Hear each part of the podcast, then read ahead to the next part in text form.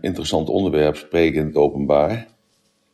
Het is eh, dag nummer 296. Even kijken.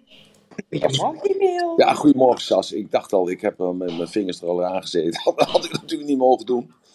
Maar ik was een beetje Oh, ja, ongeduldig om dat Moet je mij nog even moderator eh, maken? Oh, ja, eh, kan ik niks voor je doen vandaag. Oh, gods. Ja, zo. Yes, Maar heel hoe, hoe zit dat dan? Eh, Hoe zit, als jij nou opent, hoef je, maak je, hoef je mij geen moderator te maken. Hoe zit dat dan? Nee, die maak ik maak je altijd. Dus eh, Oh, oké.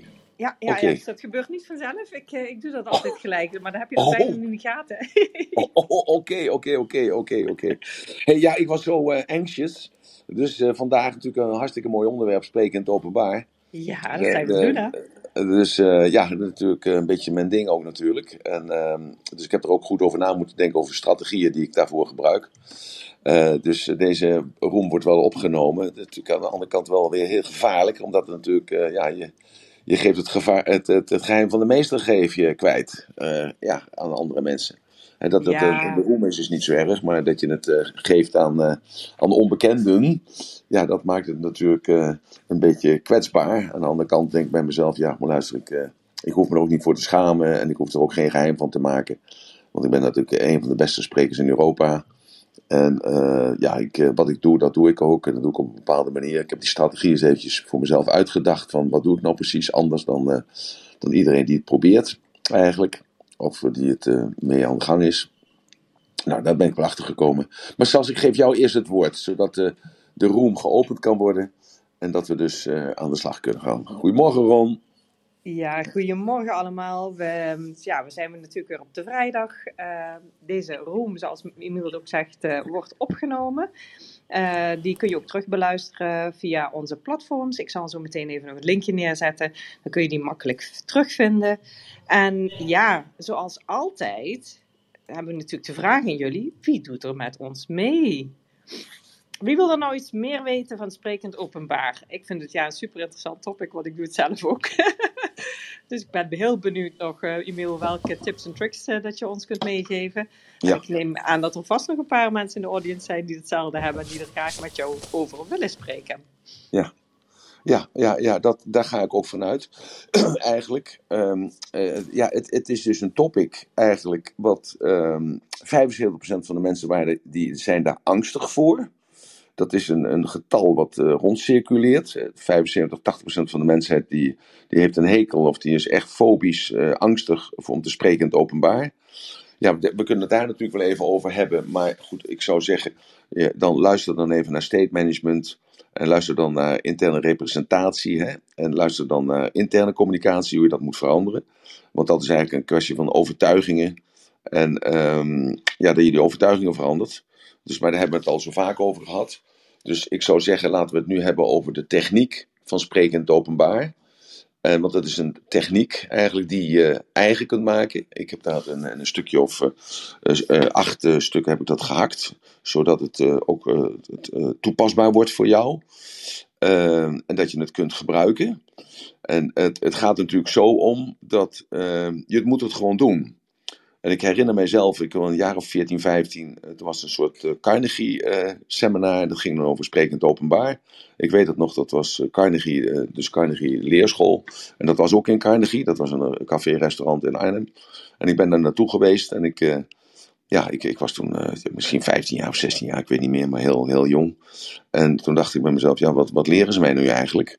Ja, ze leren me eigenlijk eh, helemaal niks. Ja, een beetje vertrouwen hebben in eh, dat je het kan. En voor de rest niets. Maar dan ging het voornamelijk om die overtuiging. Ja, we praten nu een jaar of eh, vijftig geleden. Dus toen waren er hele andere zienswijzes over die overtuiging. En over die gedachten en over die angst. Zo, dus ik heb dat voor mezelf even bedacht. En ik, ik heb een aantal punten opgeschreven, dus een stuk of zeven, acht. die niets met die angst te maken hebben. Want als je die angst hebt daarvoor, dan moet je maar aan de slag daarmee gaan eh, met, eh, met overtuigingen. De overtuigingen veranderen. Dan moet je jezelf maar online durven te zetten. En eh, ja, ik praat er makkelijk over, maar dat heb ik zelf natuurlijk uiteindelijk ook een keer gedaan. Want ik, ik heb natuurlijk ook een keer moeten beginnen. En dat was toen een zaal met, geloof ik iets met 20 man. De eerste keer dat ik sprak over NLP. Daarvoor had ik ook nog wel eens een keer gesproken de gemeenteraad toe. En, En ik, ik had eens een keer gesproken met een aantal journalisten in het collectief. En ik heb ook eens mensen toegesproken die bij mij in de winkel kwamen, omdat ik toen de, de, minimum, of de, de minimumbroodprijs aan de kaak stelde. En ik, ik heb die doorbroken toen. Dus het zijn allemaal dingetjes eigenlijk die met het eerste punt te maken hebben. En dat eerste punt is dus, als je sprekend openbaar wil doen, dan moet je wel weten waar je het over, over gaat hebben. Je moet weten waar je het over gaat hebben. Dat is uh, eigenlijk punt nummer één. Dus weet waar je het over gaat hebben. Dus heb je daar niet voldoende kennis over, ja, dan geen wonder dat je dan angstig bent. Dat je denkt van, uh, ja, ik, eh, ik durf dat niet. Ja, dat is logisch. Als je, uh, als je uh, de, zaal ingaat en je staat daar op het podium, dan moet je natuurlijk wel verstand van zaken hebben. En of dat nu over de zorg gaat, of je houdt een, een, een, gesprek over NLP, of je houdt een gesprek over kinderopvoeden, of je houdt een gesprek over koken, of ja, maakt allemaal niet uit waar jouw voordracht over gaat. Je moet er wel verstand van hebben. Want namelijk als jij er geen verstand van hebt, dus je, je klets maar wat aan, dan, ehm, ja, dan weet jij voor jezelf dat als er één vraag gesteld wordt, ja, dat je dan door de mand zakt. En dat is natuurlijk het ergste wat er is. Dat, uh, als je dus uh, door, de, door de mand zakt, hè, dus dat je daar voor schut staat. Dat is natuurlijk al erg als je dat bij één persoon hebt. Maar natuurlijk uh, vreselijk als je bij, bij tien man of honderd man door het ijs heen zakt. Dus dat is het eerste wat, waar het om gaat. Dus weet wel waar je het over hebt. Dus weet waar het over gaat. Dus doe je huiswerk. Doe je huiswerk. En als jij je huiswerk doet, dan is het altijd zo natuurlijk dat het nooit genoeg kan zijn of hoeft te zijn voor jezelf. Dus dat je denkt bij jezelf, ja maar luister, maar ik ben geen professor, ik ben geen hoogleraar, ik, ik heb er niet voor gestudeerd. Er zijn natuurlijk altijd verhalen genoeg om te vertellen van ja, eh, ik, ik weet er niet de details van, dat hoef je ook niet te weten. Het gaat erom dat je in grote lijnen weet waar je het over hebt. En dat je uh, de kennis hebt. De kennis hebt. Dus als je geen kennis hebt, dan kun je beter je mond dicht houden. En, en dat hoor je wel vandaag de dag wel heel veel. Die mensen die stellen dan vragen. Uh, om hun assertiviteit uit te proberen. Dus dat is een, een, stukje, een, een, eh, een, een moment om, eh, ja, om te kijken van oké, ik sta nu in die zaal, ik blijf lekker zitten en dan, dan stel ik een vraag. Dan, dan leer ik mijn assertiviteit uiten. Nou, eh, als jij je assertiviteit wilt leren uiten, sta dan in ieder geval op. Vraag dan een microfoon. Want waarom vraag je die microfoon? Uh, dat als je die microfoon vraagt, dan moet je even wachten tot iemand jou die microfoon komt brengen. En in, dat, in die tijd kun je even om je heen kijken en kun je dus eventjes thuis gaan voelen, terwijl al die mensen naar jou kijken. Zo, dus dat is de functie eigenlijk van die microfoon. Dus het gaat niet om die microfoon om daar duidelijker door te spreken. Nee, het gaat erom om even de tijd te hebben terwijl je bent gaan staan, uh, om even te wennen aan het podium. Want je staat op een podium, want je hebt je verheven boven de mensen die zijn blijven zitten. Zo, dus als je echt die assertiviteit wilt oefenen, dan moet je dat op die manier doen. En uh, als het moment supreme dat je dus het, het, woord vraagt en je komt op het podium, dan moet je wel weten waar het over gaat. Bijvoorbeeld Clubhouse. Nou ja, daar heb ik niet zoveel verstand van. Dat hoor je wel regelmatig. Dan vraag ik aan, aan Sas van welk knopje moet ik nou drukken? Hoe gaat dat nou? Hoe komt het erin? Hoe... Ja, en dat hoor je me meermaals zeggen. En, en, ik heb ook al wel reacties gekregen van ja, verdiep je er nou eens even in. Dan, dan weet je ervan over. Nou, ik hoef dat niet te weten. Bijvoorbeeld Ginger, die weet er heel veel van. En Ashwin weet er heel veel van. Die jongens die, die staan elke dag. En Harold weet er ook heel veel van. die zijn uh, uren zijn die op het podium. En Sas weet er ook heel veel van. Want die, die, die verdiept zich er altijd in. Ook als er weer een, een, soort room is. Waar de oprichters van Clubhouse praten. Dus die weten over de details alles. Ik, ik weet alleen eh, van eh, als die aanstaat, dan eh, kan ik op een paar knopjes drukken om het te beëindigen. ik kan nog niet eens de replay uitzetten, geloof ik. Maar dat is ook niet zo belangrijk. Ik weet wel waar het over gaat, over het onderwerp. En daarom komen jullie ook, omdat ik verstand van zaken heb, over een aantal zaken, en dat zijn er behoorlijk veel. Omdat het eigenlijk altijd hetzelfde is. Het is eigenlijk allemaal hetzelfde. Het zijn allemaal metaforen van het leven. En zo is sprekend openbaar is ook een metafoor want jij weet, uh, je hebt er verstand van, van vaccineren of van COVID of van conspiracy of van, nou weet ik veel wat het allemaal ook mogen zijn. Uh, je moet weten waar je het over gaat hebben. En dat is belangrijk. En daar heeft iedereen zijn eigen strategie voor. Je hebt mensen die, uh, die schrijven dat op en die lezen dat dan voor. ja, dan moet je natuurlijk niet raar staan te kijken dat mensen afhaken. Want dat is ook een van de stappen natuurlijk, dat je de mensen wel moet boeien. En ehm, uh, dus maar er zijn mensen die hebben strategieën, die hebben, schrijven dus alles op. die, die lezen dat voor. Je hebt andere mensen die hebben punten hè, of, of regels, zinnen, die ze dan gebruiken als cliffhanger. Nou, ook goed. Je hebt mensen die hebben alleen een begin en een eind. Dus die weten waar ze beginnen en die weten waar ze eindigen. ik, ik gebruik dat niet. Want ik, eh, daarom vraag ik ook altijd in de room, en dat is ook in de, in de zaal. Eh, dus dan vraag ik altijd van, waar wil je hebben dat ik het over heb? Waar wil je hebben dat ik het voor heb? En waarom, waarom vraag ik dat? Dan A, laat ik gelijk mijn autoriteit horen. je hoort gelijk mijn autoriteit van, oh, oké, dus, dus dus ik kan iets, iets vragen over reframing, of ik kan iets vragen over uh, metaforica, of ik kan iets vragen over body logic, of ik kan iets vragen over epigenetica, of ik kan iets vragen over NLP, of ik kan iets vragen over religies, ik kan iets vragen over uh, ankeren. ik kan dus alles vragen, want die gozer heeft dus overal verstand van. Dus ik matig mij gelijk autoriteit aan. En ik heb ook die autoriteit, want ik, ik weet gewoon heel veel van die zaken, want ik heb natuurlijk uh, 72 jaar ervaring. Ik ben met 52 jaar, of 73 jaar ervaring, want ik ben al bezig vanaf uh, mijn kind zijn, ben ik al bezig met persoonlijke ontwikkeling. Dus, dus ik heb heel veel boeken gelezen, ik heb heel veel gesprekken gevoerd. En ik heb dus altijd ook die bril opgehad van waarom red jij dit nou? Gisteren hadden we opnames van de documentaire met uh, twee oude vrienden. Dus die zijn ook mijn leeftijd. En uh, toen vroeg ik aan Berry, ik zeg, maar wie heeft nou eigenlijk de meeste invloed op jou gehad? Wie is nou degene die jou het meest gevormd heeft? Nou, toen moest je over nadenken, had hij nog nooit over nagedacht. En toen zei hij, ja, dat is mijn opa eigenlijk. Ik zeg, maar hoezo dan jouw opa? Want uh, die is toch gestorven toen jij een jaar of zeven, acht was. Ja, zei hij. Maar die opa, die, die, die zei gewoon heel af en toe dingetjes. En juist die heel af en toe dingetjes die hij zei, die waren zo raak. Dat, dat mij gevormd hebt, want ik denk daar dagelijks aan. Ik zeg dus, dus niet je vader. Nou ja, hij zegt ook mijn vader, maar daar denk ik maar één keer in de week aan. Maar mijn opa denk ik elke dag aan. Zo, dus, hè, dus, dus, dus die scoop heb ik altijd al opgehad, bijgehad of gebruikt omdat ik geïnteresseerd was van hoe kan dat nou dat mensen succes, de ene mens is succesvol en de andere is een mislukkeling. En uh, als kind zijnde van, van 13, 14 jaar ging ik de Koolman Stichting in. En daar waren, zaten mensen, zaten Joodse mensen die uh, overleven, waren overlevers van de oorlog. En die waren uit concentratiekamp gevlucht, of die hadden het concentratiekamp overleefd.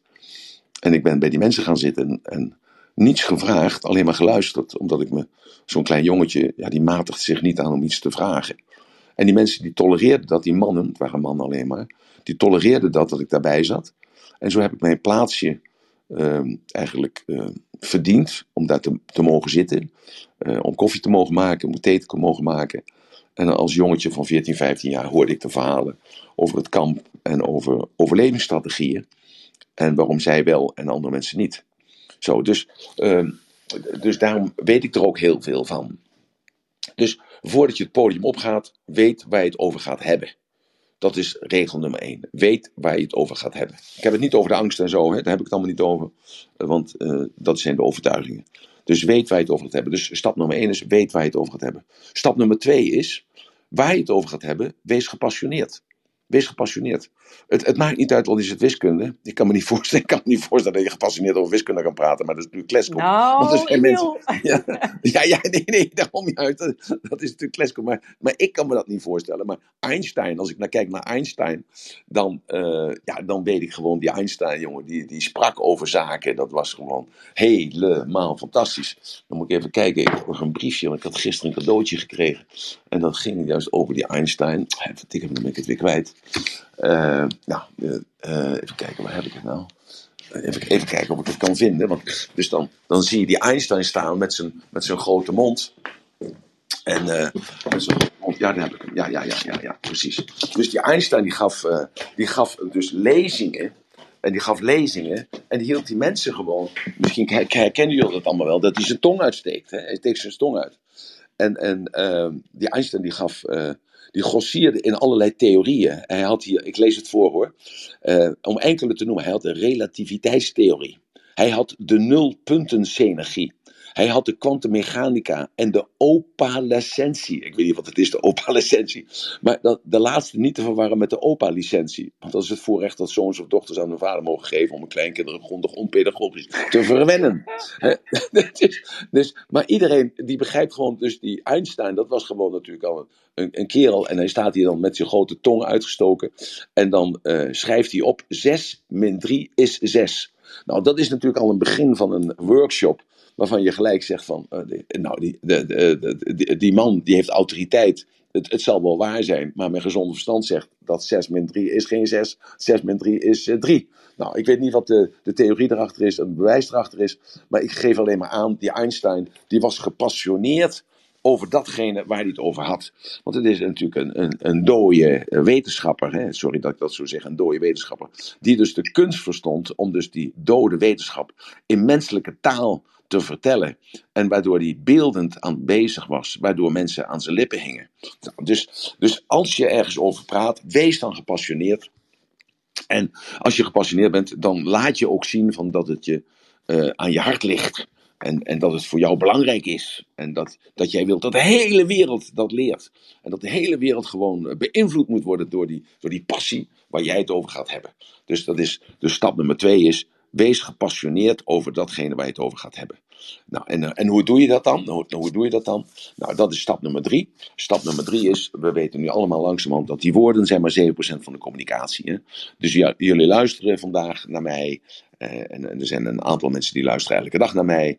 Uh, of er zijn mensen die, die luisteren dan uh, die, luisteren die bandjes af.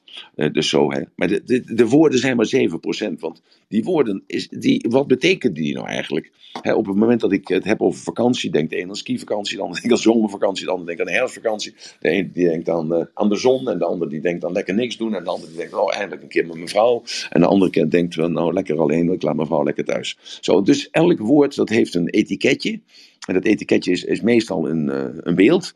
En dat beeld dat creëert een gevoel.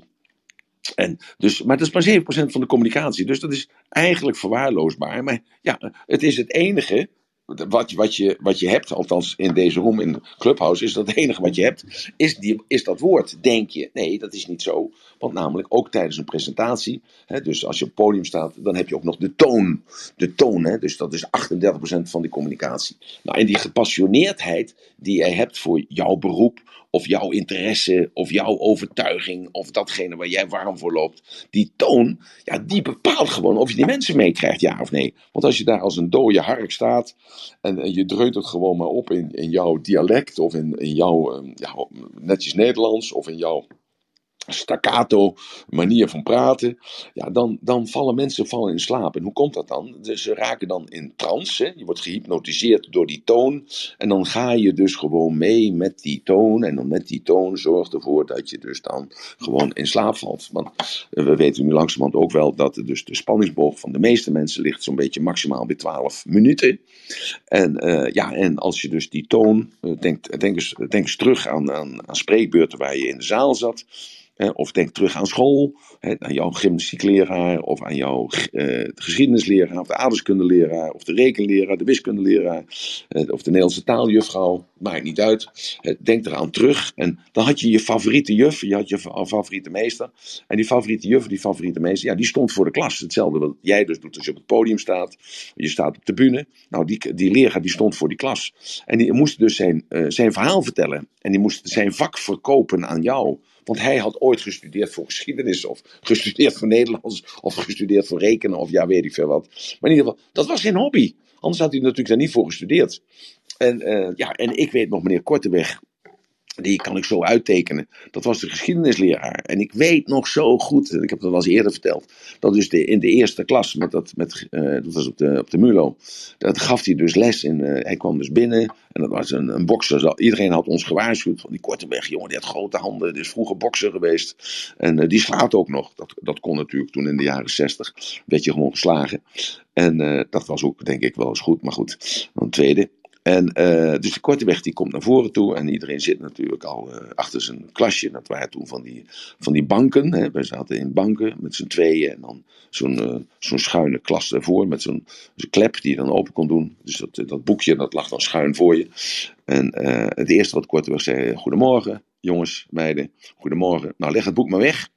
Uh, we gaan het hebben over geschiedenis. Ik ben jullie geschiedenisleraar. Ik ben Korteweg, meneer Korteweg voor jullie. Dat zijn die ook nog erbij, meneer Korteweg voor jullie. En uh, ik ga jullie eerst even uitleggen dit eerste uur wat jullie, dat jullie kennis maken met mij. maken jullie ook kennis met geschiedenis en ik leer jullie de noodzaak van geschiedenis.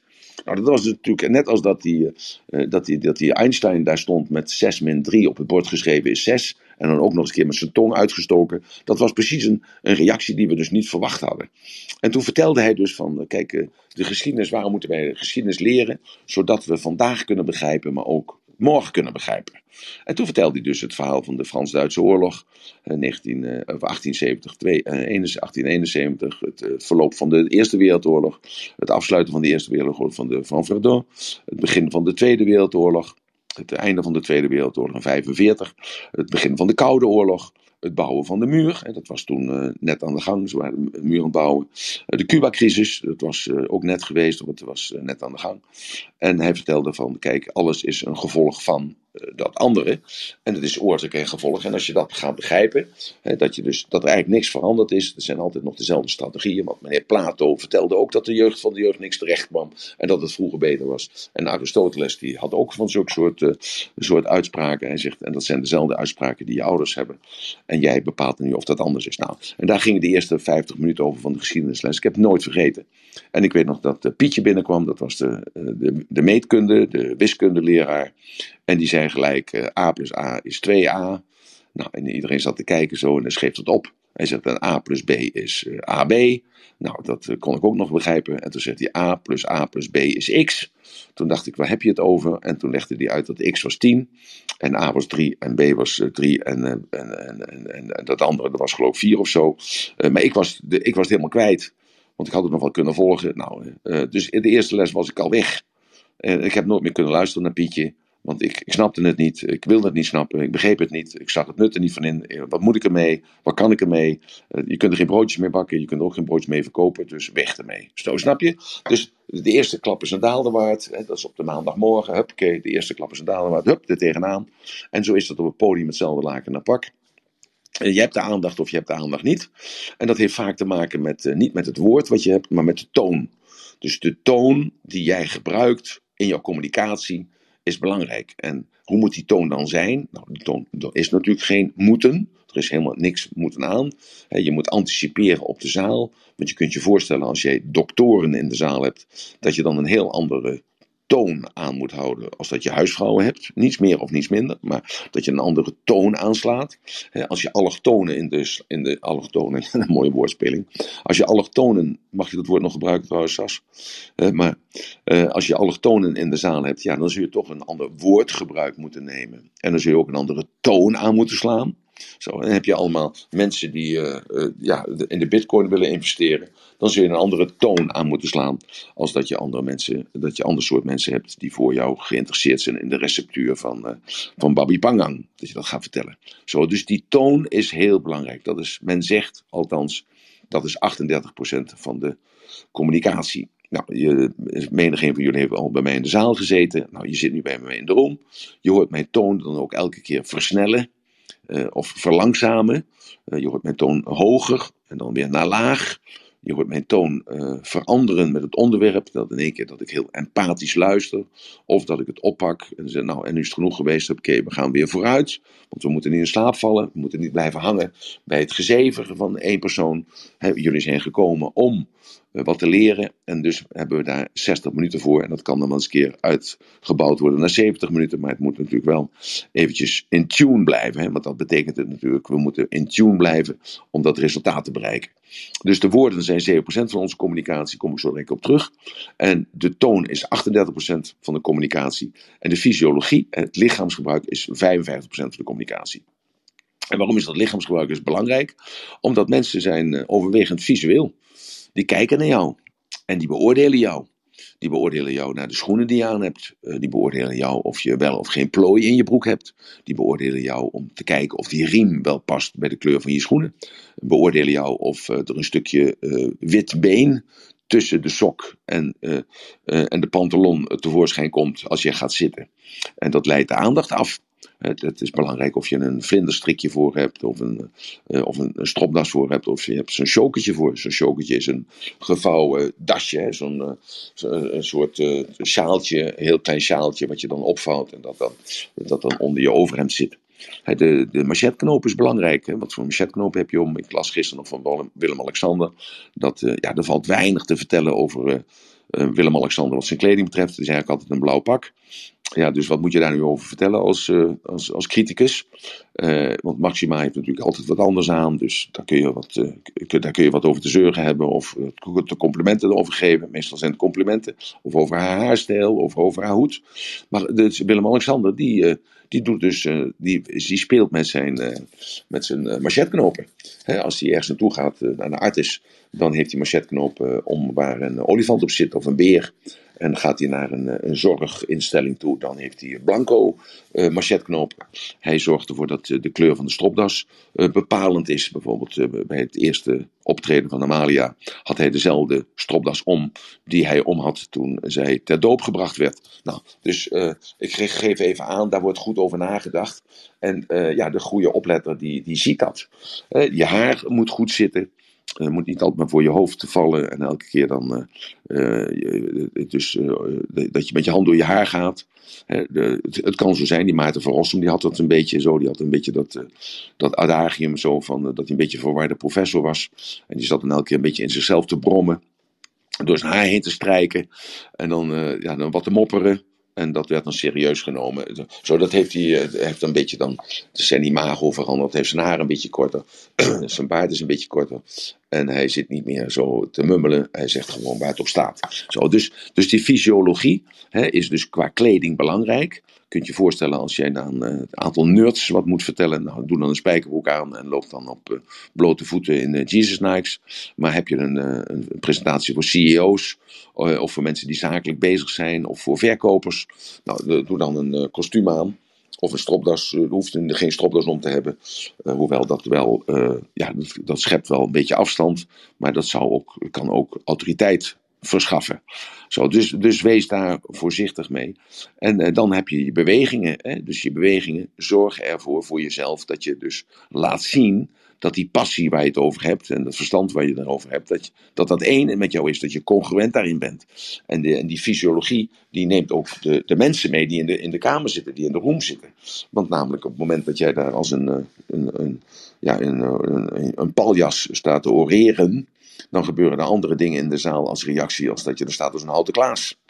Of als je er staat als een soort Michael Jackson uh, thriller na te doen. Ja, dan krijg je natuurlijk een hele andere energie. Dat mensen volgen dan. Dan uh, dat je daar staat als een, als een soort ouderwetse leermeester met een stok in de hand. En dat je allemaal maar moet luisteren. Zo, zijn hier vragen over? Dus eh, weet, weet je waar het over gaat? Weet je waar je het over gaat hebben? Wees gepassioneerd en waar, het over, waar we het over gaat hebben. En de communicatie zijn 7% woorden, 38% is de toon en de 55% is de fysiologie. Zijn hier vragen over, opmerkingen over? Nou, er kwamen nog een paar opmerkingen via de backchannel. En dat was mhm. met name ook het gebruik van humor. En uh, dat jij dit nu ook gebruikt in de manier waarop jij het uh, nu presenteert.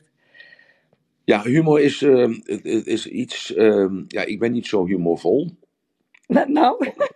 Nee, dat vind ik, ja, vind ik van mezelf. Ik kan geen moppen vertellen. Harold die vertelt altijd moppen, dat is altijd leuk. Nou, laten we zo zeggen. Er werd een, een, reactie gegeven. Ik schiet echt in de lach. Dus, uh, ja, ja, ja, ja. Maar goed, jij schiet in de lach. Door de, door de provocerende opmerkingen, denk ik dan eventjes, vertaal ik het maar eventjes, die je maakt. Nou ja, dat is ook zo. Ik, uh, dat, dat is meer mijn specialiteit ik ben meer een consciousness expander, bewustzijnsverruimer. En uh, dat doe ik dus door middel van uh, woorden te gebruiken die uh, normaal gesproken niet geaccepteerd worden. die gebruik ik dus in een bepaalde context. Dus in een bepaald kader, waardoor die misschien wel schokkend overkomen als ze losgekoppeld worden uit die context. Uh, en dat doen meer mensen dan ook. Die horen alleen maar dat ene woord. En dan vergeten dus waar ik dat in gebruikt heb. Dus dat, dat, dat is ook zo. Uh, dus ik vertel eigenlijk geen mopjes. Uh, Harold die vertelt vaak mopjes in de room. ja, ik niet. Ik, ik denk van mezelf dat ik niet zo goed ben in moppen te vertellen. Maar ik, ik kan wel vertellen uit het leven. Dus, maar, de, de, dus dat is een. er zijn ook sprekers die beginnen met een mopje te vertellen. En daardoor hebben ze dan de aandacht. Want dat eerste ja, you never get the second chance to make the first impression. Dus je, krijgt nooit een tweede kans om die eerste indruk te maken. Ja, dat gaat voornamelijk op, uh, ja, ook op het uh, podium. Dus het is die, die eerste halve minuut die belangrijk is en bepalend is of je wel of niet overkomt. Maar dat, daar zal ik zo direct even over hebben. Dat is het uh, nummertje 5, dat is het rapport maken. En over rapport gaan we het trouwens zondag hebben, dus daar moet ik het ook niet te veel over hebben. Want dan kom ik, praat weer in herhaling. Zo, maar zijn, zijn er opmerkingen over buiten dat, uh, dat er humor moet zijn in, de, in deze drie? Uh, nee, direct. Uh, misschien dat iemand nog een vraag heeft uit de room. Mag ik jullie vragen om even te reageren op wat jullie net gehoord hebben? Dus heb verstand van zaken, weet waar je het over hebt, of waar je het over gaat hebben. Wees gepassioneerd over waar je het over spreekt, waar je het over gaat hebben.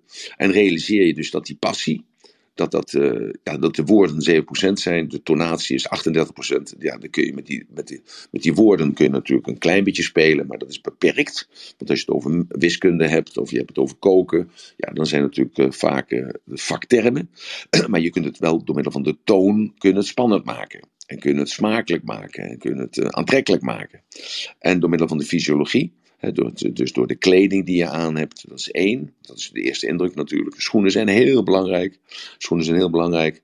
En uh, sokken ook. Uh, je ziet heel veel sprekers bijvoorbeeld, die hebben dan, uh, die denken dan, nou die sokken, die hebben dan de zwarte schoenen aan en dan een zwarte broek aan en dan hebben ze de witte sokken tussen.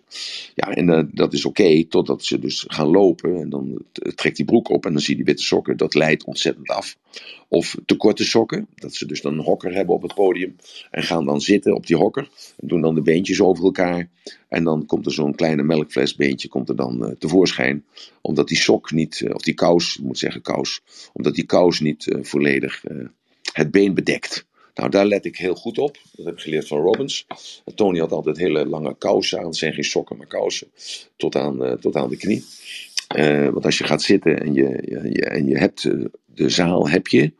En je, je gaat zitten en je trekt je broek dus ietsjes omhoog. Waardoor dus een stuk bloot been zichtbaar wordt. Dat leidt giga de, uh, ja, dat is echt zo. Dat leidt zo af. Dat is niet te filmen. ja, dat is echt niet te filmen, ja. en uh, hetzelfde is bijvoorbeeld bij de fysiologie. Draai nooit met de rug naar de mensen toe. Dat is maar een klein, eh, een klein iets. Ik, ik heb heel veel sprekers die werken met een flip, flipchart. En die draaien zich dan met de rug, gaan dan voor die flipchart staan en schrijven dan op op die flipchart wat, wat ze dan uh, vertellen. Nou, dat, dat is een doodzonde. Op dat moment dan denken de mensen van, hé, hey, hij draait zich om, hij ziet niet wat ik doe. Dus dan kan ik lekker beginnen te kakelen of ik kan mijn buurman aanstoten. Zo, dus uh, misschien heb jij dat wel eens gezien, zelfs als ik opschrijf. Hè, als, ik, uh, als ik wat opschrijf, gewoon, dan gaat dat uh, eigenlijk in, in letters die je niet terug kunt lezen. Je, je weet wat ik opschrijf, want ik vertel het erbij.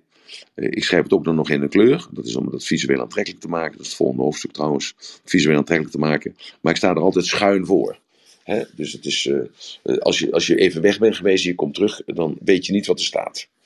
Daar komt het eigenlijk op neer. Maar ik heb het toch benadrukt. Nee, maar dan jij... blijf je dus met je lichaam verbinding maken met je publiek, ja. hè? Ja, ja, ja. Dus blijf contact houden met iedereen. En ik, uh, dat is belangrijk. Dus nou, die visio... mij is klip en klaar, mogen we door de vier. Ja, dus toch uh, klip en klaar. Ja. Hm. Het gaat erom dat je natuurlijk dat inpakt. Nou, dus nummertje vier is je moet vak zijn, hè? vak zijn. En visueel, auditief, kinesthetisch. En uh, ik, ik had eergisteren hadden we opnames van een, de platenkast, de platenkast van Eenmaal Ratenband. En daar had ik in die platen, uh, dat wordt volgende week uitgezonden geloof ik. En uh, had ik een aantal platen in. En wat voor platen had ik daar nou in? Nou, jullie weten, ik luister niet zo vaak naar muziek, eigenlijk nooit. En uh, waarom niet? Want ik heb de, de radio nooit aan en ik uh, ben aan het denken altijd. Dan schrijf ik het op wat ik denk. Maar de muziek die ik, uh, wat ik dan weet, dat is altijd muziek van een film. En dat is heel belangrijk, want die film, die, die film, dat succes van die film, dat is, hangt vaak af van de muziek die gespeeld wordt. Dat, dat gaat on, onbewust, maar het is wel zo. En dus denk even aan Bodyguard bijvoorbeeld. Hè? Dus Whitney Houston en Kevin Costner. Die zijn, uh, is vak visueel aantrekkelijk, auditief aantrekkelijk en kinesthetisch aantrekkelijk. En hoezo visueel aantrekkelijk? Nou, uh, de, als je denkt aan Whitney Houston, is een aantrekkelijke vrouw. Dus die Kevin Costner, een aantrekkelijke vent. Er is veel actie, er is veel beweging. auditief aantrekkelijk, door middel van de songs, door middel van een fantastische stem van die Kevin Costner, maar ook een fantastische stem van Whitney Houston. En, en kinesthetisch is het, je wordt meegetrokken in het verhaal en je, wordt, en je kunt je helemaal vereenzelvigen met Whitney Houston en je kunt je helemaal vereenzelvigen met die bodyguard, met Kevin Costner. En, en je, je, helemaal, je zit nog schrap aan je, als je eraan denkt dat die Kevin Costner in één keer zag dat het jongetje met die, dat bootje wilde gaan varen.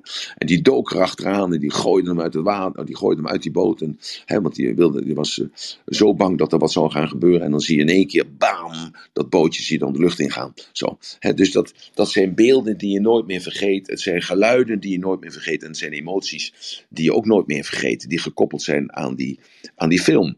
En, en zo is dat ook met een, uh, met een voordracht. als, als je daar bent, dan moet dat zo sprekend zijn visueel dat het zo uh, aantrekkelijk is of afstotend, mag ook natuurlijk. want iedereen die herkent natuurlijk uh, Quasimodo. waarom? Omdat Quasimodo zo mooi was? Nee, omdat Quasimodo eigenlijk zo lelijk was. En daarna blijkt hij een hele lieve stem te hebben en ontzettend lief gevoel te hebben. Heel empathisch te zijn voor uh, het meisje wat daarin speelt. En hij blijkt een hele zorgzame man te zijn in één keer. Wat, wat, een, wat een soort schrik-effect geeft van dat past toch niet bij zo'n uiterlijk. Zo, dat is het succes van James Bond ook ik weet niet of je wel eens naar James Bond films bent geweest. Nou, ik neem aan dat je er zeer zeker een paar hebt gezien. De hele wereld nou, we weten al. ja, de, ja, de hele wereld toch precies. Nou, je ziet dus dan dat die formule nu aan het veranderen is. Hè? Uh, maar uh, de muziek was deze keer, ik vond er helemaal niets aan. Uh, ik heb ze allemaal gezien. Ik vond die met Sean Connery de beste. Daarna kwam Roger Moore. Daarna kwam er nog, uh, die andere vent weet ik niet meer. Er kwam er nog één, weet ik ook niet meer. En die andere, die, die Greg, die Greg, dat is dan de laatste. Nou, die vond ik uh, na, na Sean Connery de beste eigenlijk. Maar het format veranderde.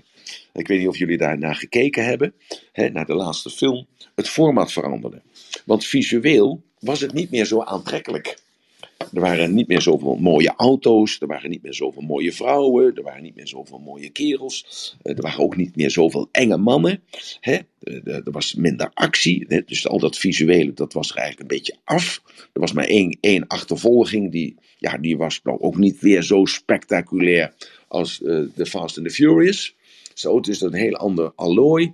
Het auditief, de muziek, was ook niet om over naar huis te schrijven. Het was niet, uh, het, was niet pakkend, het was niet uh, schreeuwend, het was niet, uh, ja, het was niet waar je stil bij gaan staan.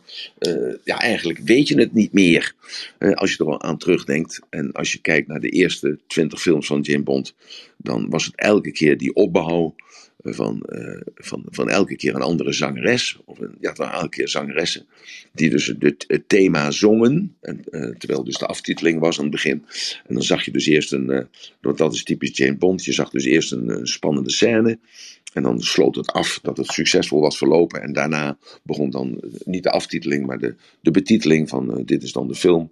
de Goldfinger of Dr. No. En dan uh, zag, je, uh, zag je die kogelgaten en dan die spannende film erbij. En dan uh, hoorde je dan een kanonschot en dan liep hij door dat ooggat. En dan viel dus dan als het ware dan het bloed droop dan als het ware voor het ooglid. En zo liep hij van, van naar kogelgat. Zo, dus, en nu is Jane Bond is, gedegradeerd tot een vrouw. En ook nog een zwarte vrouw geworden. En uh, ja, dus dat is. Uh, het, het, hele formule is weg, want James Bond is een gentleman. Dat is ook het verschil tussen de, de Fast and the Furious. Dat zijn gewoon uh, qua jongens die ondeugend zijn en die fantastische avonturen met elkaar beleven. Maar James Bond is een gentleman die vanuit Westminster Hall de hele wereld ja, behoedt voor het kwade. En dat wordt nu in één keer een, eh, een negerin. En, uh, ja, en dus het concept wordt verlaten. Dus neem van mij aan, jongens, dat de volgende Jane Bond zal veel minder bekeken worden en zal veel minder hoog in de ranking liggen. En dan zal dus het, het zoals deze laatste Jane Bond ook, die kreeg geloof ik 3,5 sterren gekregen. En Jane Bond kreeg altijd 5 sterren. Nou, dus jouw presentatie moet dus gewoon vlekkeloos zijn moet actiegericht zijn, moet ook met de woordkeus zijn, dat is de auditieve, hè, of met muziek geladeerd worden. Uh, en moet kinesthetisch zijn, zodat de mensen dus kruipen in jou en jouw verhaal uh, ja, gewoon voelen. Ze moeten het voelen. En dat is die betrokkenheid die er gecreëerd moet worden met het product wat je verkoopt.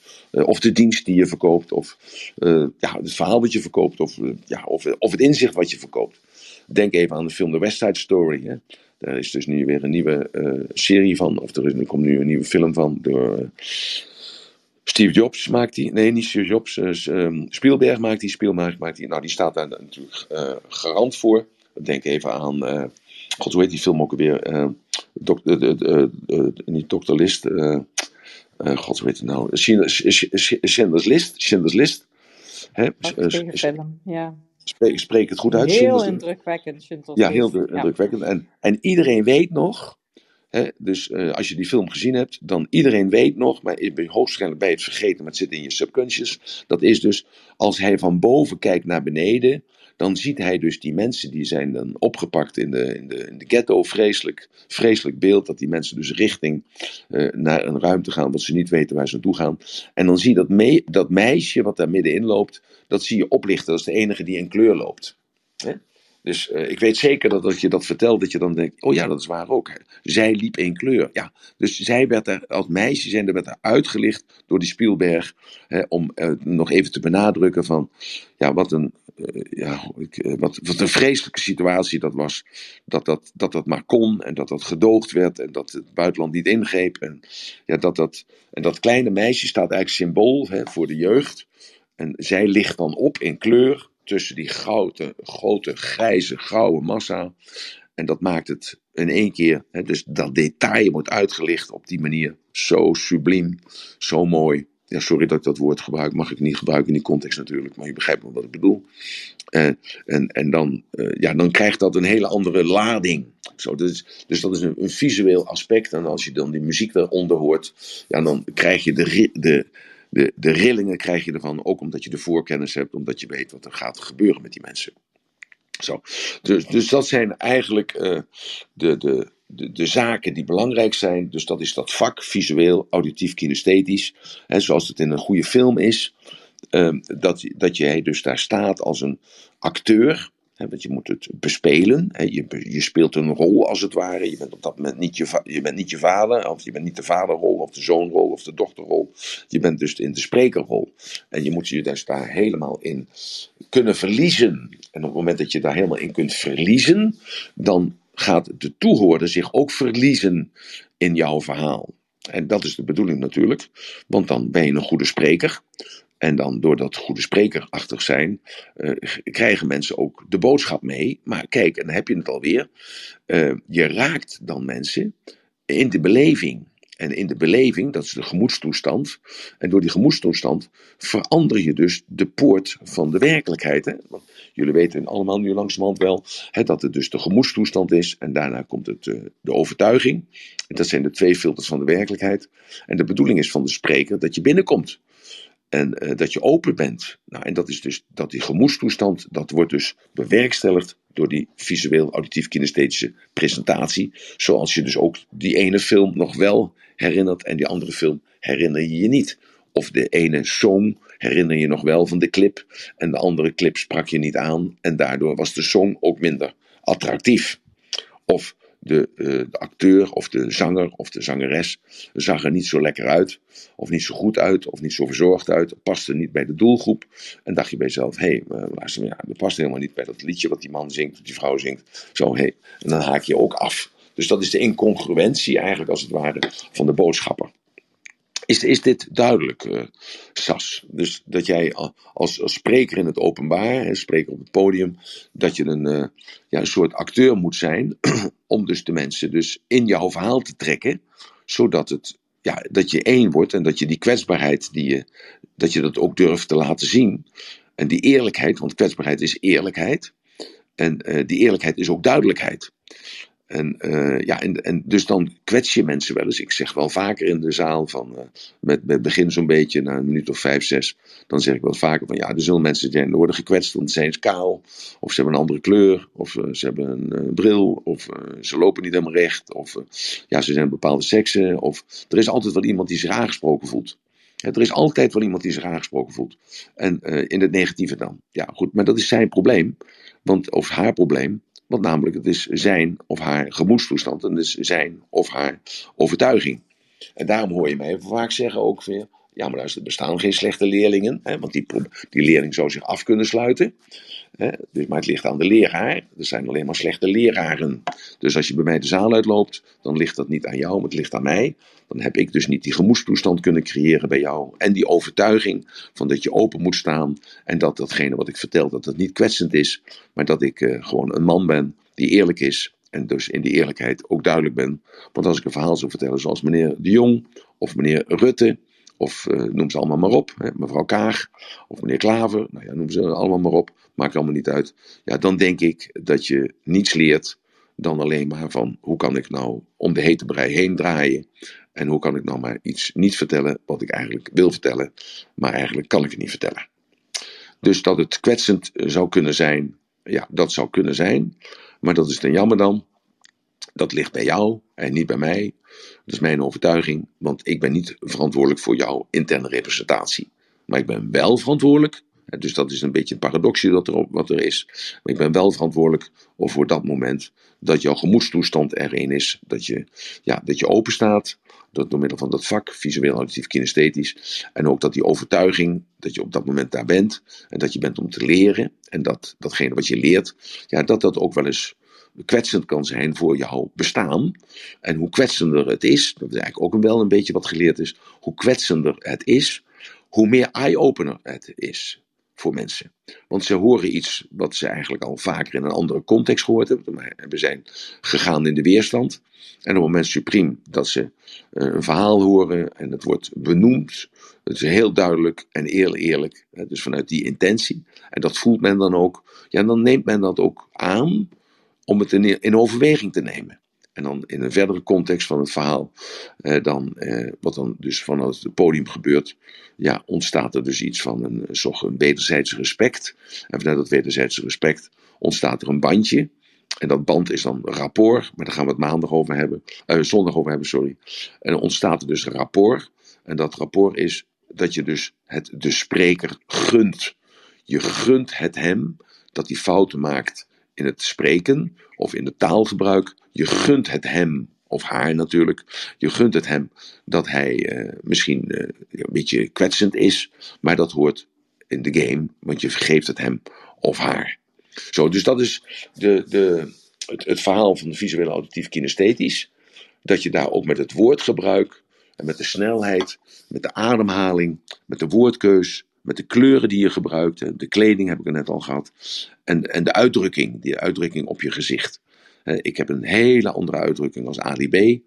Ik heb een hele andere uitdrukking als uh, Tony Robbins. Ik heb een hele andere uitdrukking als uh, Michael Palatsky. Ik heb een hele andere uitdrukking. Nou, en dat kun je rubriceren. Dan kun je een, een ander hokje douwen. Als die net genoemde. En zo kan ik er nog wel een stuk of twintig noemen. en, dus je creëert je eigen klanten. Door middel van je uiterlijk, want dat is de eerste selectieprocedure. Ik wil wel of ik wil niets met hem te maken hebben. You never get a second chance to make a first impression. En als je dus uh, ja, al geselecteerd hebt op de boodschap, of je hebt geselecteerd op het uiterlijk, je hebt geselecteerd op de aanpak, hè, want je zit in de room en je, het bevalt je wel, het bevalt je niet, het gaat te snel, het gaat te rustig, het is te confronterend, het is te veel onttrekkend, uh, er is te weinig inspraak, uh, of te veel inspraak. Ja, dat zijn allemaal dingetjes die jou bevallen aan mij. En dan blijf je hangen als het je bevalt. En uh, als je zegt, nou nee, maar luister, ik, ik vind jou een ontzettende eikel. Maar het verhaal wat je vertelt vind ik hartstikke interessant. Dus daarom blijf ik hangen. Is ook goed, want het gaat uiteindelijk om het resultaat. Dus, dus die zaken met dat visueel, auditief, kinesthetisch, hè, dat is ook die ademhaling. Hè? Dus haal je veel adem, hè, dus in de rust. Dus bijvoorbeeld als je eh, meditatie verkoopt, hè, dat vertel je van het podium, nou, dan werk je natuurlijk veel meer met je ademhaling als dat ik doe. Want ik ratel in één keer door. En waarom ratel ik in één keer door? Omdat ik in een seminar, en Sas die heeft dat zeer zeker gehoord, dat ik, uh, en Marjolein ook, dus, uh, en Robert zal dat ook heel goed gehoord hebben, dat ik vaak dingen uh, hetzelfde zeg, alleen op een andere manier. Waardoor het een, een ander voorbeeld is. En daarom neem ik er dan ook altijd 12, 14 uur of uh, 16 uur om het iedereen duidelijk te maken.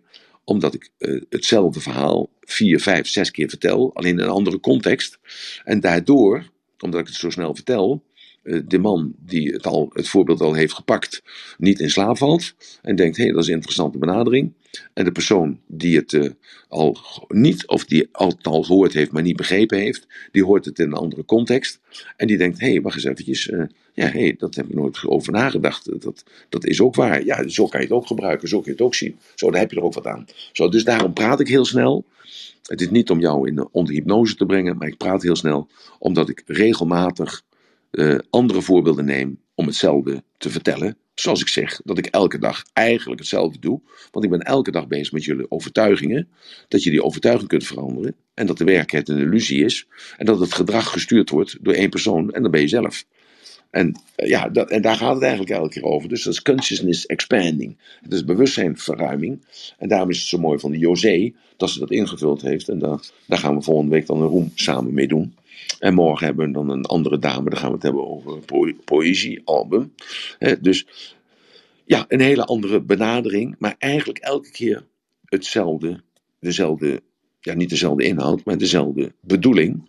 Om je die, overtuiging te laten veranderen, waardoor je dus langzaam, maar beetje, stukje voor beetje, dat je dus uh, komt in dat gebied waar jij wilt zijn, dat je flexibel kunt zijn en dat je open kunt staan en dat je respect hebt voor de mening van de ander, zodat je dat op een, op een, op een bepaald standpunt begrijpt en toe kunt passen.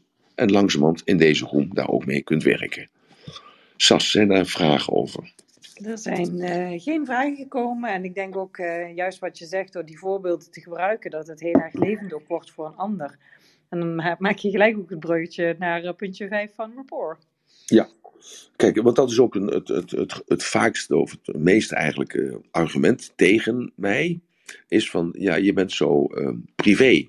Je bent zo persoonlijk. Ja, natuurlijk ben ik persoonlijk. Want het is nogal wat waar ik het over heb. Het, is niet een, iets kouds. Het is ook ja, echt persoonlijk. En je, kunt er iets mee. Je kunt de kwaliteit van je leven ermee veranderen, vernieuwen, verbeteren. Hè? Dus naar het positieve en, en ook naar het negatieve toe natuurlijk. Want je kunt die skills kun je ook allemaal gebruiken uh, in het negatieve. Want uh, laten we maar een naam noemen. Uh, Hitler gebruikte het ook in het spreken in het openbaar. Alleen gebruikte hij dat om zijn doelen te bereiken. En hij gebruikte dus al die zaken die ik nou net vertel, gebruikte hij ook, uh, maar in een andere context, want hij wilde zijn wil opleggen aan iedereen die daar luisterde. En iedereen zat zo in de massa-psychose dat ze dat collectief aannamen met alle gevolgen van dien. En ik ben juist de man die zegt: nee, het gaat om jouw invulling. Jij moet het er zelf van maken. Jij beluistert dat verhaal wat ik vertel en jij maakt er je eigen werkelijkheid van. En jij bepaalt dat zelf. Nou, dus uh, rapport maken, dat, dat doe je dus, dat, uh, dat kan je natuurlijk doen door middel van een mopje te maken. Iedereen gaat dan lachen. Je kunt dat door middel van een gevatte opmerking maken. Je kunt ook iets schokkends doen, hè, waardoor je dus juist het rapport verbreekt. En daarna bouw je dat rapport weer op. Dat zijn allemaal technieken. Je ziet mij wel eens op het podium dat, dat iemand daar is en die zit in een stuk state. Dus dat wil zeggen dat hij of zij niet vooruit wil, niet naar achteren, niet naar achter, niet naar voren, niet naar links, niet naar rechts. Ja, en dan moet ik een soort patroonsinterruptie doen. En als je dus niet gevolgd hebt waar we het over hadden, dan kijk je daarna en dan zie je in één keer dat ik mijn broek uh, laat zakken. En dan denk je, ja, kun je toch met zo je broek niet laten zakken? Nee, maar ik laat die broek zakken. Gewoon, dan staan er dan één keer in mijn korte broek. En dan die lange sokken, of die lange kousen tot aan mijn knieën. Dus het ziet er natuurlijk niet uit. Dus iedereen moet dan lachen. Maar de, de, de patiënt, of de cliënt die naast mij staat, die zit in een stuk steeds en die moet ook lachen. Zo, en dan, dan heb ik hem. dan heb ik dus die persoon die naar voren is gekomen, omdat hij wil veranderen. Dus je moet ook af en toe dus die, die, die, dat schokeffect creëren. Want uh, ja, er staat ergens in de boeken dat de spanningsboog van mensen is maximaal 12 minuten. Nou, ik, ik denk dat dat langer is, dat, want dat ligt een beetje aan de spreker. En dus dat ligt dan aan mij in deze context, of aan jou dan, en ook in deze context, dat ik denk dat die spanningsboog van 12 minuten uh, nou, iets langer zou kunnen zijn, kan je een beetje oprekken. Ik denk dat dat wel 40, 50 minuten is. Nou, en ik neem dan eigenlijk elke half uur, 35, 40 minuten, hangt een klein beetje van de room af, van de zaal af, uh, maak ik dan een, uh, een gag. En zo heb ik dat entertainment ontwikkeld, want ik was de eerste man die 18 uur sprak aan één stuk door. En uh, dus je kunt natuurlijk niet verwachten van iemand dat die 18 uur op de stoel, van het puntje van de stoel zit en te luisteren en dat ook nog, nog opneemt. Dat is natuurlijk te gek voor woorden. Zo, dus ik heb uh, dus in dat entertainment heb ik bedacht dat ik elk half uur moet ik dus iets anders doen als wat normaal is. Dus we gaan op de stoelen staan, uh, we gaan dansen, je wordt nat gespoten door middel van zo'n soker, je moet rare bekken trekken, je moet van stoel gaan verzitten, je moet ademhalen, je moet een meditatief moment zijn. Er, er, is even iets, uh, je moet je voorstellen, je gaat verplaatsen van links naar rechts van rechts naar links. Nou, kortom, zo heb ik een hele scala van kleine dingetjes die heel, als heel leuk ervaren worden in de zaal of in de room. En waardoor je dus even weg bent uit de les. Maar het is gelijkertijd de les is ook gelijk weer dat er dus ook in het leven onverwachte dingen gebeuren. En dat je dus uiteindelijk dan weer bij de les moet blijven.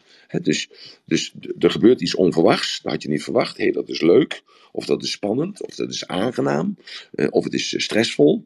Dat maakt allemaal niet uit. Je bent even uit de ban van het product, of je bent even uit de ban van de verkoper of van de spreker, of je bent even uit de ban van de aandacht. Je, je ontspant je even heel intens, omdat je bezig bent met iemand anders, of heel duidelijk bezig bent met jezelf op een andere wijze. En daardoor ben je weer helemaal refreshed uh, om de volgende half uur, de volgende 40 minuten weer mee te maken. Dus die spanningsboog 12 minuten, uh, daar ben ik het niet helemaal mee eens. Uh, want ik heb ook sprekers heb ook beluisterd en dan denk ik echt na drie minuten, nou, dan moet er echt wat gebeuren. Maar hij jankt dan maar door, of zij jankt dan maar door in het verhaal. En ja, dan, dan verliest hij gewoon iedereen. En ja, dan is het gewoon weg. Nou, dat zijn een beetje de stappen. Uh, dus dat zijn uh, zeven stappen die ik uh, benoemd heb. maar ja, nogmaals, ehm, daar moeten we het een andere keer over hebben. Of daar moet je het over hebben met de overtuigingen. Dat is de angst. 75% van de mensheid die schijnt bang te zijn om te spreken in het openbaar. Die houdt de mond dus dicht, omdat hij denkt van ik krijg kritiek. Of die denkt ik word uitgejouwd. Of ik word, ja weet ik veel wat die mensen denken, weet ik allemaal niet. Maar in ieder geval, het is jouw angst. En um, ja, ik weet nog wel bij Robbins dat ik de eerste keer uh, naar voren mocht komen. Dat was dus uh, eh, 5 december 1986. Eh, dat was de afspraak die we gemaakt hadden. Dat ik gratis mocht komen. Maar dan moest ik wel vertellen aan de zaal dat ik gekomen was speciaal uit Nederland. Wat dan Parijs was volgens hem. en moest vertellen dat ik speciaal ingevlogen was om zijn seminar te mogen bezoeken. Hij had 125 man in de zaal. En wat mij opviel de eerste keer, dus dat was die vrijdagavond, dat was 4 december, uh, dat was namelijk dat hij iedereen aankeek. Hij maakte een rapport met iedereen, hij keek iedereen aan. Dat was toen nog niet zo moeilijk, er zaten ongeveer 125 man in de zaal. Uh, ja, niet zo moeilijk zeg, zeg ik nu, maar uh, dat is natuurlijk best een prestatie. En uh, dat zag ik dus dat hij dat deed. Dus op het moment supreme dat ik de volgende dag naar voren toe moest komen, dat was dus zaterdag de vijfde, uh, dat ik naar voren toe moest komen. Uh, en moest vertellen dat ik dus speciaal uit Nederland was gekomen. Nou, ik had alle redenen om bang te zijn, omdat ik, ik sprak natuurlijk slecht Engels. ja, eigenlijk sprak ik niet de waarheid. Dat kwam er ook nog even bij. ja, ik moest wat zeggen, terwijl hij als een, als een, als een, als een, ja, als, als, als een machine over iedereen heen donderde. Uh, ja, en hij had gewoon de aandacht. Dus ja, dat was ja, een Amerikaan onder elkaar. Ik was natuurlijk Nederlander, dus ik had die energie ook helemaal niet zo te pakken. Uh, ja, ik wilde het wel, maar ik, was er nog niet helemaal in. En, en toen moest ik naar voren te komen. En toen dacht ik bij mezelf van, hoe doe ik dat nou? En toen dacht ik in één keer, dat was de, dus die vrijdagavond had ik dat gezien, dat iedereen aankeek. En toen ben ik, op ben ik boven op het podium geklommen. En toen heb ik hem eerst aangekeken, maar hij keek weg. En toen ben ik dus, heb ik de zaal ingekeken. En toen heb ik mijn verhaal verteld. En toen heb ik, eh, dat gebruik ik nog steeds. Ik kijk iedereen aan. Ik spreek dus niet voor een groep of een troep van mensen. Nee, ik spreek de individu aan. Dus ik spreek altijd tot één persoon. En ik spreek dan ook tot die andere persoon. En weer tot die andere persoon. Dus ik spreek nooit ins blauwe hinein. Ik spreek altijd gericht tot één persoon. En iedereen die bij mij in de zaal gezeten heeft, en of dat een klein zaaltje is van 40 man of een grote zaal is van 1000 man, die weet dat ik hem of haar heb aangekeken. En daarom weet ik ook, herken ik jou ook als ik je tegenkom, dat je bij mij in de zaal hebt gezeten. Tot voor tien jaar terug wist ik in welke zaal je gezeten had. Wist ik waar je gezeten had bij binnenkomst. Links achter, rechts voor of middenin. Ik wist het gewoon. Want ik had dat beeld was bevroren in mijn hoofd gefixeerd, zoals we dat noemen. Ik had die foto dus als het ware ontwikkeld en is dat vast in mijn hoofd. Zo, dus dat is uh, een, uh, iets uh, dat die angst die je hebt voor het spook, het, het, spook is dan het, het, het, publiek, dat is weg te halen enkel en alleen maar? Dus dat is een van de technieken, laat ik het zo zeggen. Maar als je dat doet, dan merk je gelijk dat het werkt. Je spreekt niet tot de troep, dus tot de groep. Je spreekt niet tot de troep, maar je spreekt tot het individu. En dan per definitie niet aan het individu wat op de eerste rij zit. Dat zeer zeker niet. Je, uh, je, je spreekt vooral aan de mensen middenin, links, rechts, achterin. En, uh, en zo dwaal je met je ogen door dat publiek heen en maak je een zin af terwijl je iemand anders aankijkt. Dat is heel belangrijk. En dan blijf je ook in je kracht. En dan, dan zie je ook, dan, dan zie je in de blik van die ogen van die man of die vrouw die je aankijkt, dan zie je ook oprechte interesse. Oprechte interesse. En ik heb nog nooit meegemaakt dat ik afkeuring zag in die blik, of dat ik negatieve uh, zeurderij zag in die blik, of dat ik uh, geen interesse zag in die blik. Nee, heb ik nog nooit gezien. Op het moment dat je iemand aankijkt, krijg je dus een blik terug van zoiets van, ja, leuk dat je me aankijkt. Of ben ik het waard dat je me aankijkt? Of uh, God heb je tegen mij? Of uh, ja, nou, dus allemaal zulke soort uitdrukkingen zie je dan. En uh, neem je dan ook waar. En dat geeft je heel veel kracht om je verhaal nog beter neer te zetten. Zo, dus dat zijn eigenlijk de, de punten, de, de zeven punten, of de, ja, de, de acht punten, die angst dan ook als laatste besproken hebbende. Wat een overtuiging is, hè, wat een, een andere overtuiging is, uh, die Robbins mij uh, geleerd heeft. Dat was dat half jaar dat ik bij hem was. en uh, toen kwam eens een keer iemand naar voren toe en die zei: Ja, ik durf niet te spreken in het openbaar. Nou, daar was hij natuurlijk heel snel vanaf. Dus binnen drie minuten begon ze te, te, te kakelen daarvoor het podium. Dat was ergens in, in Denver, Detroit was het. En uh, toen zei ik later tegen Robbins, ik zeg, ja, dat was toch fantastisch. Hoe deed je dat nou precies? Welke modaliteiten, welke knop drukte je? Wat deed je nou precies met de fysiologie? Hij zegt, nee, zei die, hij zegt, dat heb je toch gehoord? Ik heb tegen die vrouw gezegd, ze weten niet waar je het over hebt. Dus als ze niet weten waar je het over hebt, kun je ook geen fouten maken. En dat was de klik bij die dame, die dus in één keer de moed had om wel te spreken in het openbaar, terwijl ze er echt duizend angsten van gestorven was. Nou, Ginger, jij bent naar boven gekomen, kerel. Had je een vraag, een opmerking of een aanvulling? Yes, hi, goedemorgen. Goedemorgen, um, kerel. Hallo, hey Sascha, hallo. Um, ja, ik heb helaas niet alles uh, kunnen luisteren, want ik werd oh. twee keer gebeld. Oké. Okay. Uh, dus misschien ga ik nu iets zeggen, want ik vind het wel heel interessant. En uh, ook de dingen die ik gehoord heb, ja, heel, steek ik echt wat van op. Um, ik heb zelf twee toevoegingjes, maar misschien is die dus een van de punten, maar daar komen we heel snel achter. Um, je, uh, als ik um, moet spreken en uh, ben ik best ook wel eens nerveus, dan, dan benoem ik dat gewoon. Dus dat, dat is voor mij dan een manier van ja, het gewoon ja. benoemen. Dus ja. van, wow, ik sta hier als enige Nederlander voor al jullie Amerikanen. Ja. Weet je, dan bam, dan ja, dan, dat is dus ook met een beetje humor of zo. Dat is ook een, dat is ook een manier van rapport maken, hè? Want iedereen heeft dat, hè? Want iedereen denkt, ja. oh, oh, ik zou dat ook hebben. Ja, ja heel ontwapenend. Ja, ik zou dat ook hebben, maar hij, hij flikt het hem toch. Dus uh, dan ben je toch een, een voordeel, een, een voorbeeldfunctie, zeg maar. Ja, en puntje, ja. puntje twee, en dat heb ik met uh, daten ontdekt. Daar ben je natuurlijk, ja. ben ik, uh, ja, als ik dat doe, ook altijd wel uh, lichtelijk zenuwachtig. Um, en dus ik heb dat Hoe ook kan dat nou, zo'n knappe gozer als jij? Nou, nee, maar, maar met iemand afspreken of mijn knappe uiterlijk heeft toch niks met elkaar te maken? Ja, natuurlijk heeft het mee te maken. Ja, dat is dat, you never get the second chance to make a first impression. De eerste indruk is gewoon uh, hoe je eruit ziet. Oh, Oké, okay, nou volgens mij uh, denken niet alle vrouwen zo hoor. Uh, vrouwen die gaan ook wel eens uh, af op wat je zegt en ja, nee, hoe je doet en zo. natuurlijk. Maar, maar dus, ja, nee, natuurlijk is het zo. Maar je bent gewoon Gelukkig wel, ja, ja. Nee, maar je kunt nog zo'n goede babbel hebben als je een, een houten been hebt en een bochel en een glazen oog. En, en, en, ja, en je rechterarm is geamputeerd. Dan, ja, dan denk ik dat, dat de kansen dan zakken tot onder het vriespunt. Maar goed.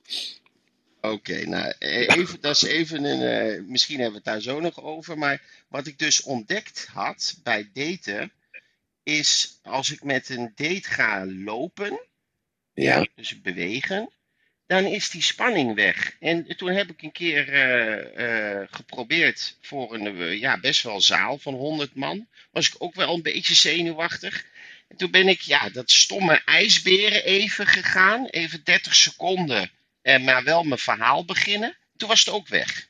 Dus Ja. blijkbaar dat bewegen, dan loop je het even zo uit je lichaam of zo. Ja, maar, maar, maar eh, dat is ook zo, want hè, dus, eh, je, je stemming wordt gestuurd voornamelijk door je fysiologie, hè, door je lichaamsgebruik.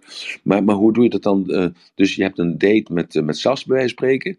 En ehm, dan ontmoet je elkaar in het café of onderweg of bij de bushalte of wat dan ook. En dan, dan ga je een stukje, dan zeg je, nou laten we eerst maar een stukje lopen of zo. Ja, ik, ik, ik, ik, ik heb dat ook wel eens vooraf gezegd. En ja, nu moet dat ook, want ik mag nergens meer naar binnen als ongevaccineerde. dus dat is, dat is dan een eh, goede, handige bijkomstigheid. Hè? Positief bekijken. Ja. Maar gewoon, eh, ja, eh, eerst een uur gaan lopen met elkaar. En dan Oh. een kop koffie gaan drinken, in plaats van andersom. Dan kom je Oh. gewoon veel lekkerder in het gesprek en zo. Nou, ja, ja, dat is ik, fantastisch om dat in overweging te nemen, maar dat is niet mijn stijl. Dus, het duurt me allemaal te lang. Ja, maar jij hoeft toch eh, niet te daten meer? Ho- ho- hoezo niet? Oh, Ik- dacht, dat, ik dacht dat je een beetje een. eh, een, Nee, eh, ik kom daar niet bij. Nee, ik heb maar alleen een relatie met mijn kinderen. Dus eh, nee, maar ik, ik date ook. Ik maak wel afspraken natuurlijk. Maar ja, wat is daten? En date zou ook kunnen zijn met een zakenrelatie daten, toch? ja, of is eh, ja, maar goed, maar ik, ik, ik heb nooit een zakenrelatie dat ik zeg, we gaan eerst een half uurtje lopen of zo. Maar het is wel een manier om... eh, eh, ik, ik, ik heb een vriendje die loopt altijd een uurtje of drie eh, per dag. Dus als je daar nou een zakelijke afspraak mee maakt, dan zou het misschien leuk zijn om dat in het bos te doen of zo. Ik denk wel dat dat goed zou zijn. Maar om een, eh, met een, eh, een nieuwe date, of een nieuwe zakenrelatie eh, gelijk te gaan lopen, ja, nee, dan loop je. Ik, ik ga ook altijd tegenover iemand zitten. Terwijl dat, dat van de week werd, werd ik erop gewezen van waarom ga je niet naast hem zitten? Ik zei, oh, dat is een goeie.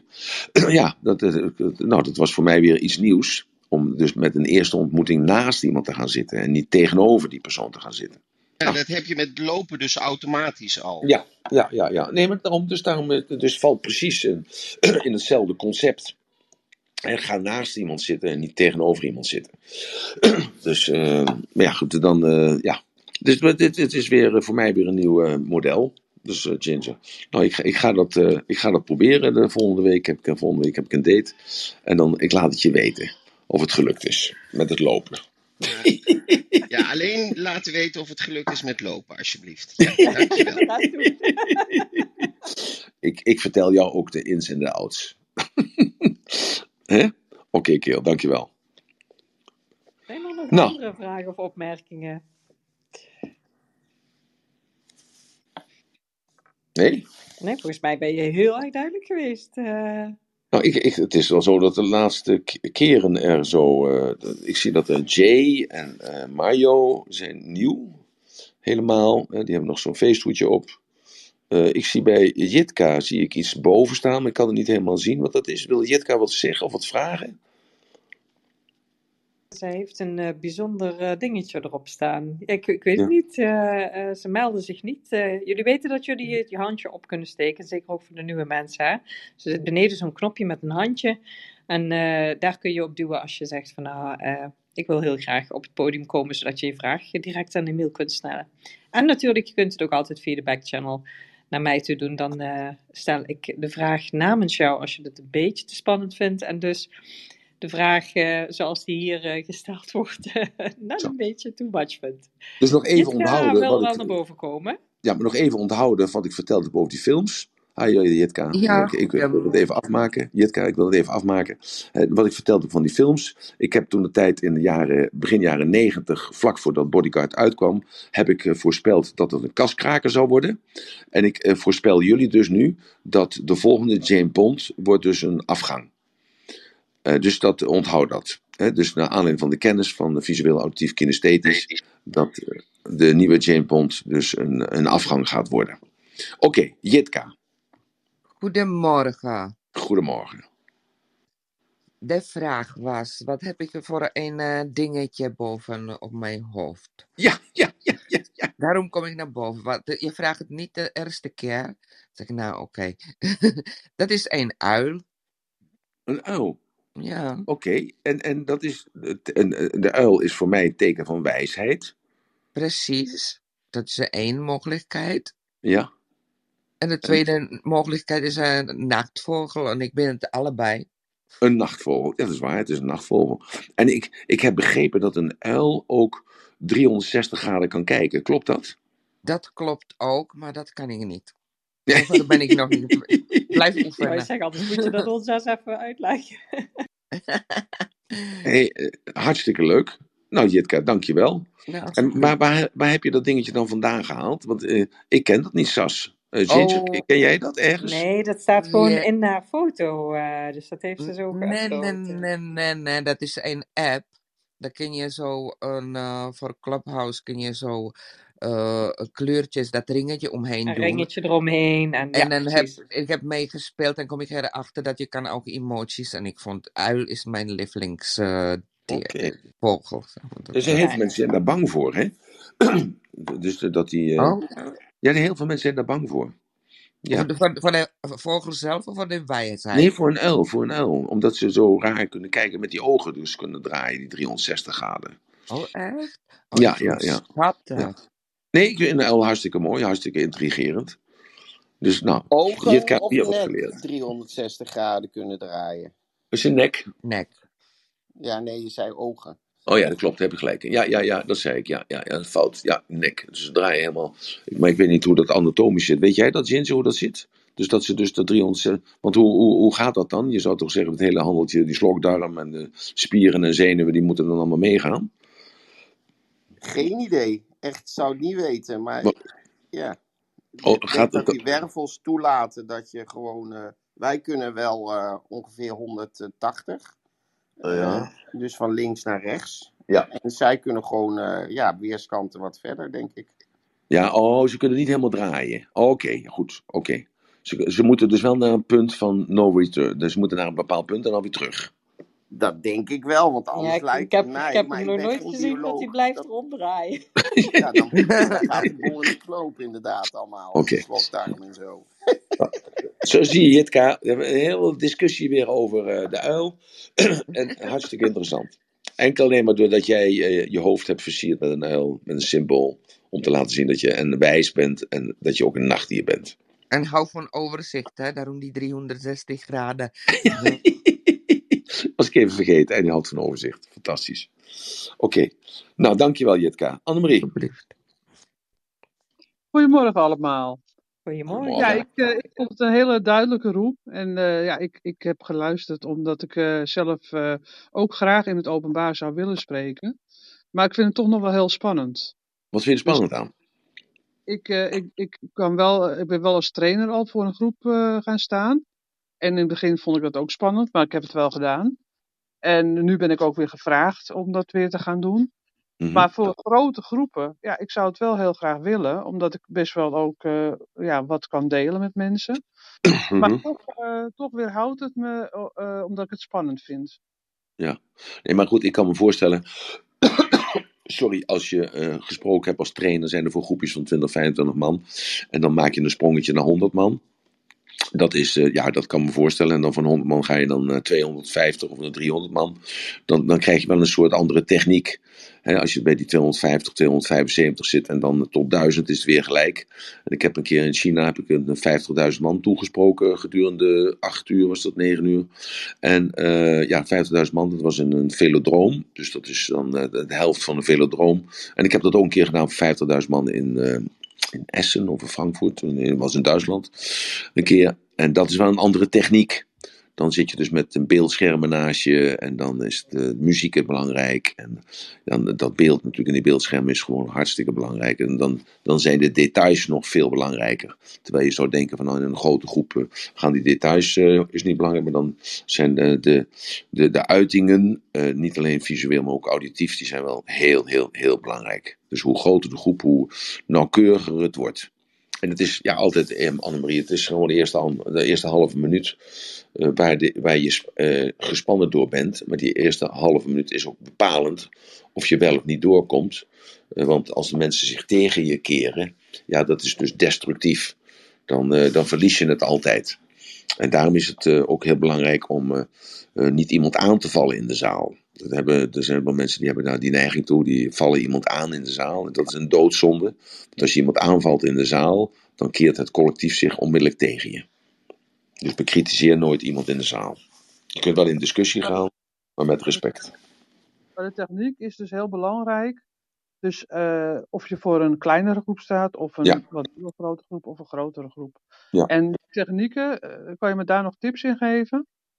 Nou ja, zoals ik het gezegd heb, je moet wel weten waar je het over hebt. Is, eh, kijk, Ginger praat over Clubhouse, dan heeft hij meer verstand van als, eh, of van currysaus, of van curry, eh, curryschotel te maken. Daar heeft hij meer verstand van dan van, nou, laat ik wat zeggen, als de, de stelling van Pythagoras. Of, Ginger, geef ik een goed voorbeeld? Kun je een half uur praten over de stelling van Pythagoras? Ah, daar kan ik wel wat. A, Oh. AB plus AC is BC. Kwadraat. Nou ja, daar goed, kan ik wel ik ben- even iets over vertellen, ja. Nou ja, goed, dan over de werking van de verbrandingsmotor of de kernreactor, hoe dat Nee, werkt maar- en zo. Nou ja, eh, ik Nee. denk als je inderdaad praat over waar je verstand van hebt, Ja. dan kun je gewoon op de automatische piloot terugvallen als je een beetje gespannen bent. Dus helemaal eh, waar. Ja. Ja. Ik heb eens een keer een, een, toespraak gehad van een, eh, de directeur van de kerncentrale Dodewaard. Nou, die man die was gewoon verliefd op die, op die kerncentrale. Die was verliefd op, het, eh, op, de, eh, op de radioactiviteit. Die was verliefd op die uraniumstokken die erin gingen. Was verliefd op hoe het opgeruimd werd en hoe het de elektriciteit creëerde. Nou, die man kon erover vertellen. Nou, die werd er gewoon lyrisch van. Sinds die tijd ben ik zelf radioactief fan geworden. Zo, dus ja. Weet je wat voor dus mij misschien ook een leuke graadmeter is? Als je dus precies onvoorbereid makkelijk iets, over iets een half uur kan eh, spreken. Dat Mhm. geeft al een bepaalde basis dat je weet waar je het over hebt. eh. En, en eh, je moet het natuurlijk simplificeren, dat is natuurlijk ook belangrijk. En je moet het dus chunk it down. Dus, niet chunk it up, maar chunk it down. Dus dat het ook uh, ja, voor mensen die uh, daar zitten, en uh, misschien moeten ze daar zitten. Ja, ik, ik, maak natuurlijk heel veel mee dat ik in een zaal zit waar mensen moeten zitten, want ze worden uitgenodigd door de directeur. En dan vaak in de tijd van de baas. Ja, en dan, ja, dan moet je met onwillige honden werken. Nou, hoe, hoe creëer je dat dan? Nou, dat is eigenlijk door middel van die, van die zaken. Ik herinner me nog een keer dat ik moest spreken voor Boelens, Boelens uh, vuurbedrijf. En ja, ik sloeg daar de plank helemaal mis.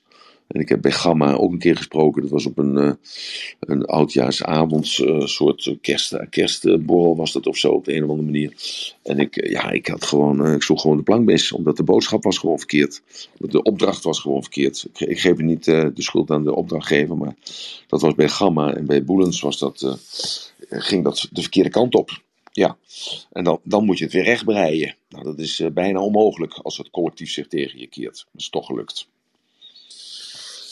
Oké, okay. Dankjewel voor je opmerking. Jitka, dankjewel. Ginger, dankjewel voor je aanvullende vragen. Sas, ja, er zijn geen opmerkingen weer via de backchannel gekomen. Dus ik zou zeggen, het is wellicht tijd voor het ratelbandje. Oké, okay, goed. Nou, uh, het ratelbandje voor vandaag is eigenlijk uh, dat vak, visueel, auditief, kinesthetisch. Probeer dat nou gewoon eens uh, onderweg. Probeer dus naar je collega's. Hè. Probeer nou eens gewoon dus die, die ademhaling en die snelheid van woordkeus. uh, de woordkeus zelf, uh, de kleuren, je pak, je jurkje, je, uit, je uitmonstering. Zoals je eruit ziet, de, de dames met hun make-up natuurlijk. Hoe je dus de ander kunt beïnvloeden. En uh, als, je, als je dat nou eens uitprobeert vandaag, dan zou ik dat eigenlijk een beetje als ratelbandje willen noemen. Zodat je ook dat zelfvertrouwen op kunt bouwen. Dat als je dus die één persoon of dat groepje mensen wat in jouw team zit, dat je dus die kunt sturen uh, naar een andere energie toe. Hè? Want dat is het eigenlijk. Dat doe je dus door middel van uh, dat spreken in het openbaar. Je stuurt mensen naar een andere energie toe, waardoor ze ontvankelijk worden.